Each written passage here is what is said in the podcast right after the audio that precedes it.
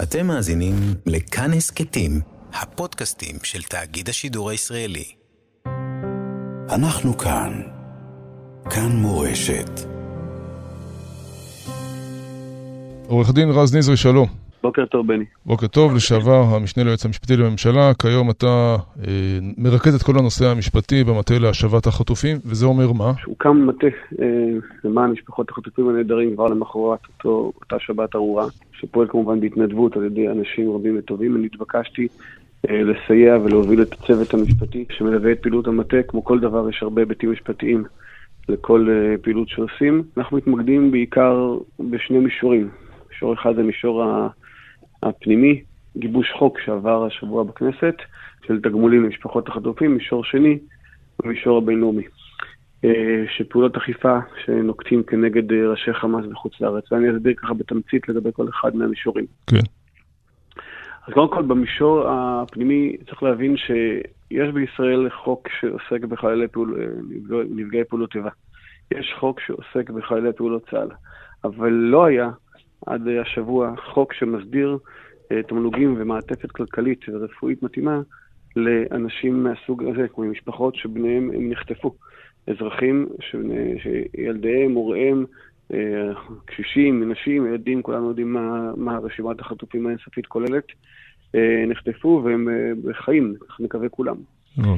ובהקשר הזה, בעצם נדרש היה למלא חסר חקיקתי, ובאמת בשבועות האחרונים אנחנו ב... פעילות מאומצת אה, בכנסת ביחד עם יושב ראש ועדת העבודה והרווחה, יושב ראש הקואליציה, חברי כנסת מכל סיעות הבית, בסיוע נציגה לשכת עורכי הדין.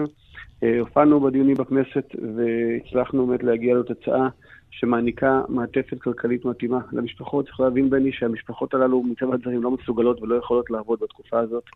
הם נמצאים בשעתן הקשה ביותר, ולכן נקבעה מסגרת של מענקים שיהיו לבני המשפחות, גם להורים, לבני זוג, לפעמים זה גם אחים גרים, יש משפחות שנפגשנו איתם שאין הורים בתמונה, או שהורים מבוגרים, או שהם לעצמם נחטפו או נרצחו, וזה אנשים גרים שלפי החוקים הקיימים לא מגיע להם שום דבר, וגם פה היה צריך לתת להם מעטפת מסוימת שתסייע להם בתקופה הזאת, שהם לא באמת יכולים לעבוד, הם עסוקים בפעילות שונות, בפעילויות שונות להשבת בניהם.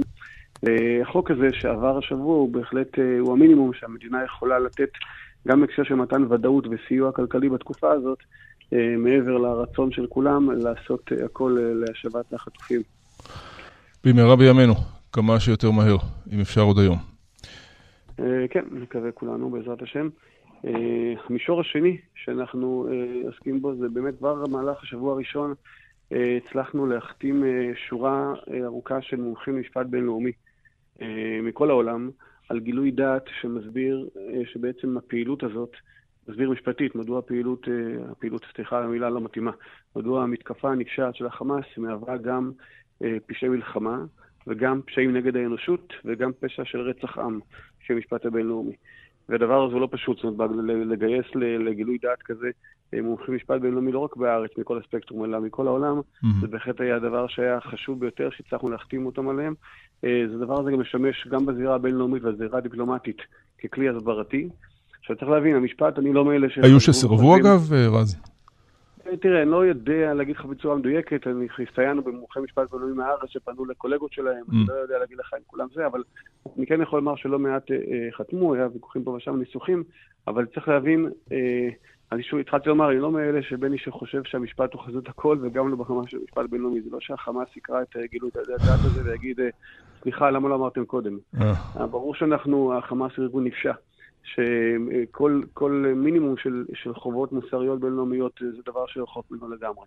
אבל יש לזה חשיבות ולו כדי לנקוט פעולות שאנחנו מנסים, בשבוע שעבר הצהרנו עליהן במסיבה עיתונאים, מנסים לעשות uh, מעבר לעניין ההסברתי, גם, גם פעולות אופרטיביות ברמה המשפטית. מה הכוונה? Uh, לפנות לרשויות חקירה במדינות שונות, במדינות אירופה, בעיקר מדינות שיש בהן גם אזרחים ישראלים שהם בין החטופים, ולבקש מהם להציג בפניהם ראיות, להציג בפניהם את החומר, להראות, להסביר משפטית מדוע זה עולה כדי הפשעים החמורים האלה, שפשעים נגד האנושות, רצח עם וכולי, ולבקש מהן לפתוח בחקירה כנגד החמאס ומשלחיו. וצריך להבין בהקשר הזה, כמו שאמרנו תמיד, גם במישור הפנימי, טרור זה לא רק אותו מחבל נפשע שמחזיק את הרובה ויורה באדם, או רוצח אותו או עושה פעולה אחרת.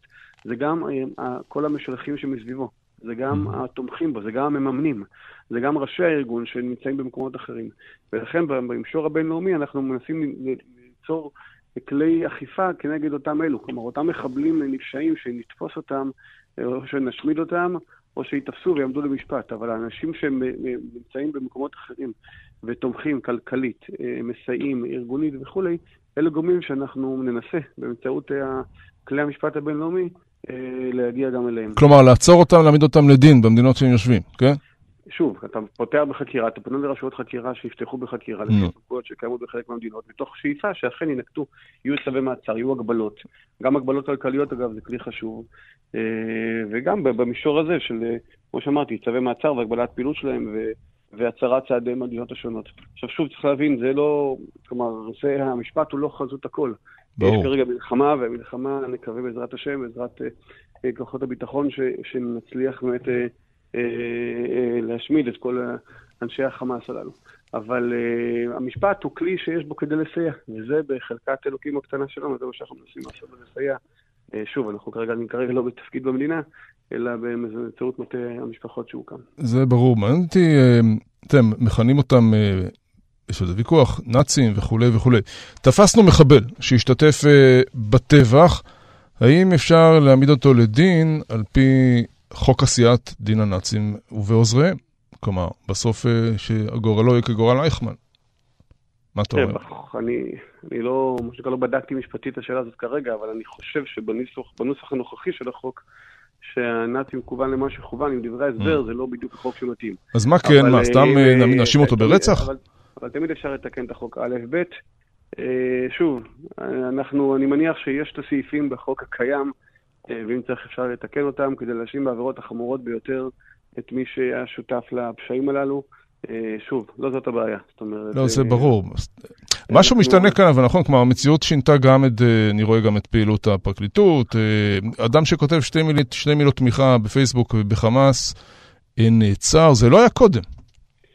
תראה, אני לא יכול לומר לך דברים מסמכים, אני כבר שנה... אני יודע, אני יודע. מה שאתה... לא במערכת. מה שאני יכול לומר, ש... שוודאי, שכשיש תקופה, כלומר בסופו של דבר חלק מהמבחנים בנושאים של הסתה וקריאות וכולי, הקריאות לאלימות, חלק מהמבחנים הם מבחנים שקשורים למה שנקרא אפשרות סבירה. זה מבחן בחוק, אפשרות סבירה שאותה קריאה תכן תביא לאלימות. ובתקופה כזאת, כאשר אנחנו רואים מה קורה בהסתה, וכאשר מדינת ישראל נמצאת במלחמה, ודאי שזה חלק מהיישום צריך להיות גם אה, בהקשר הזה, ויד קשה. היא בהחלט חשובה. אם היה איזה מקום גם קודם או לא, אני שוב לא יכול לומר לך שבדיוק בתיק כזה או אחר, אבל אני חושב שבהחלט אה, אה, אה, יד קשה, גם בנושאים הללו, mm. כנגד אותם אלו שמסיתים וקוראים אה, לאלימות, שראינו גם מה זה קורה, מה קורה מתוך הדבר הנורא הזה, אה, בהחלט נדרשת. Mm-hmm. טוב, אז אחרי החקיקה, לפחות אה, בהיבט הכלכלי, אני חוזר לנושא הראשון, המשפחות יכולות, אה, בעניין הזה לפחות, להיות יותר רגועות, נכון?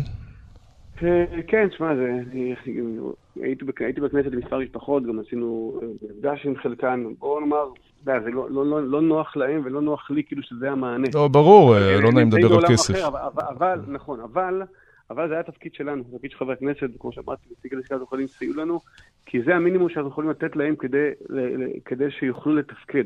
הרי צריך להבין, כמו שאמרתי, הם לא מסוגלות לעבוד בימים הללו. הן לא מסוגלות, אה, שוב, אני מניח שהרבה מאיתנו לא מסוגלים לעבוד דאגה נכון. וחשש, אבל, אבל, אבל אה, אותה סיטואציה של משפחה, שה... תחשוב, יש פה ילדים קטנים, או שזה הורים, או שיש משפחות שכל משפחה חטופה או שנרצחה, אבל זה מעגל של דודים. אז המינימום זה לתת להם מעטפת כלכלית שהדאגה הזאת לפחות תוסר מבחינתם בתקופה הזאת, ונקווה כולם שזה יקרה כמה שיותר מהר. הרי המעטפת הזאת ניתנת רק לתקופה שבה בן המשפחה מוגדר כחטוף או נעדר. אם חלילה זה מגיע לבשורות רעות, אז זה סטטוס אחר, ואם הוא יחזור בשלום, אז זה סטטוס אחר. ולכן, אה, שמע, עבדנו לא מעט לקידום החוק הזה, אבל אני, אה, אין לי לקוות שהוא יתייתר בהקדם. זאת אומרת, במובן הזה ש, שכולם ישובו אה, במהרה. ולא יהיה צורך במימוש שלו. שישובו בשלום ובמהרה, לו יהי. תודה, עורך הדין רז נזרי, שנדע בשורות טובות. תודה, אמן, שיהיו בשורות טובות, ושכל חיילינו ישובו לשלום, בעזרת השם. אמן.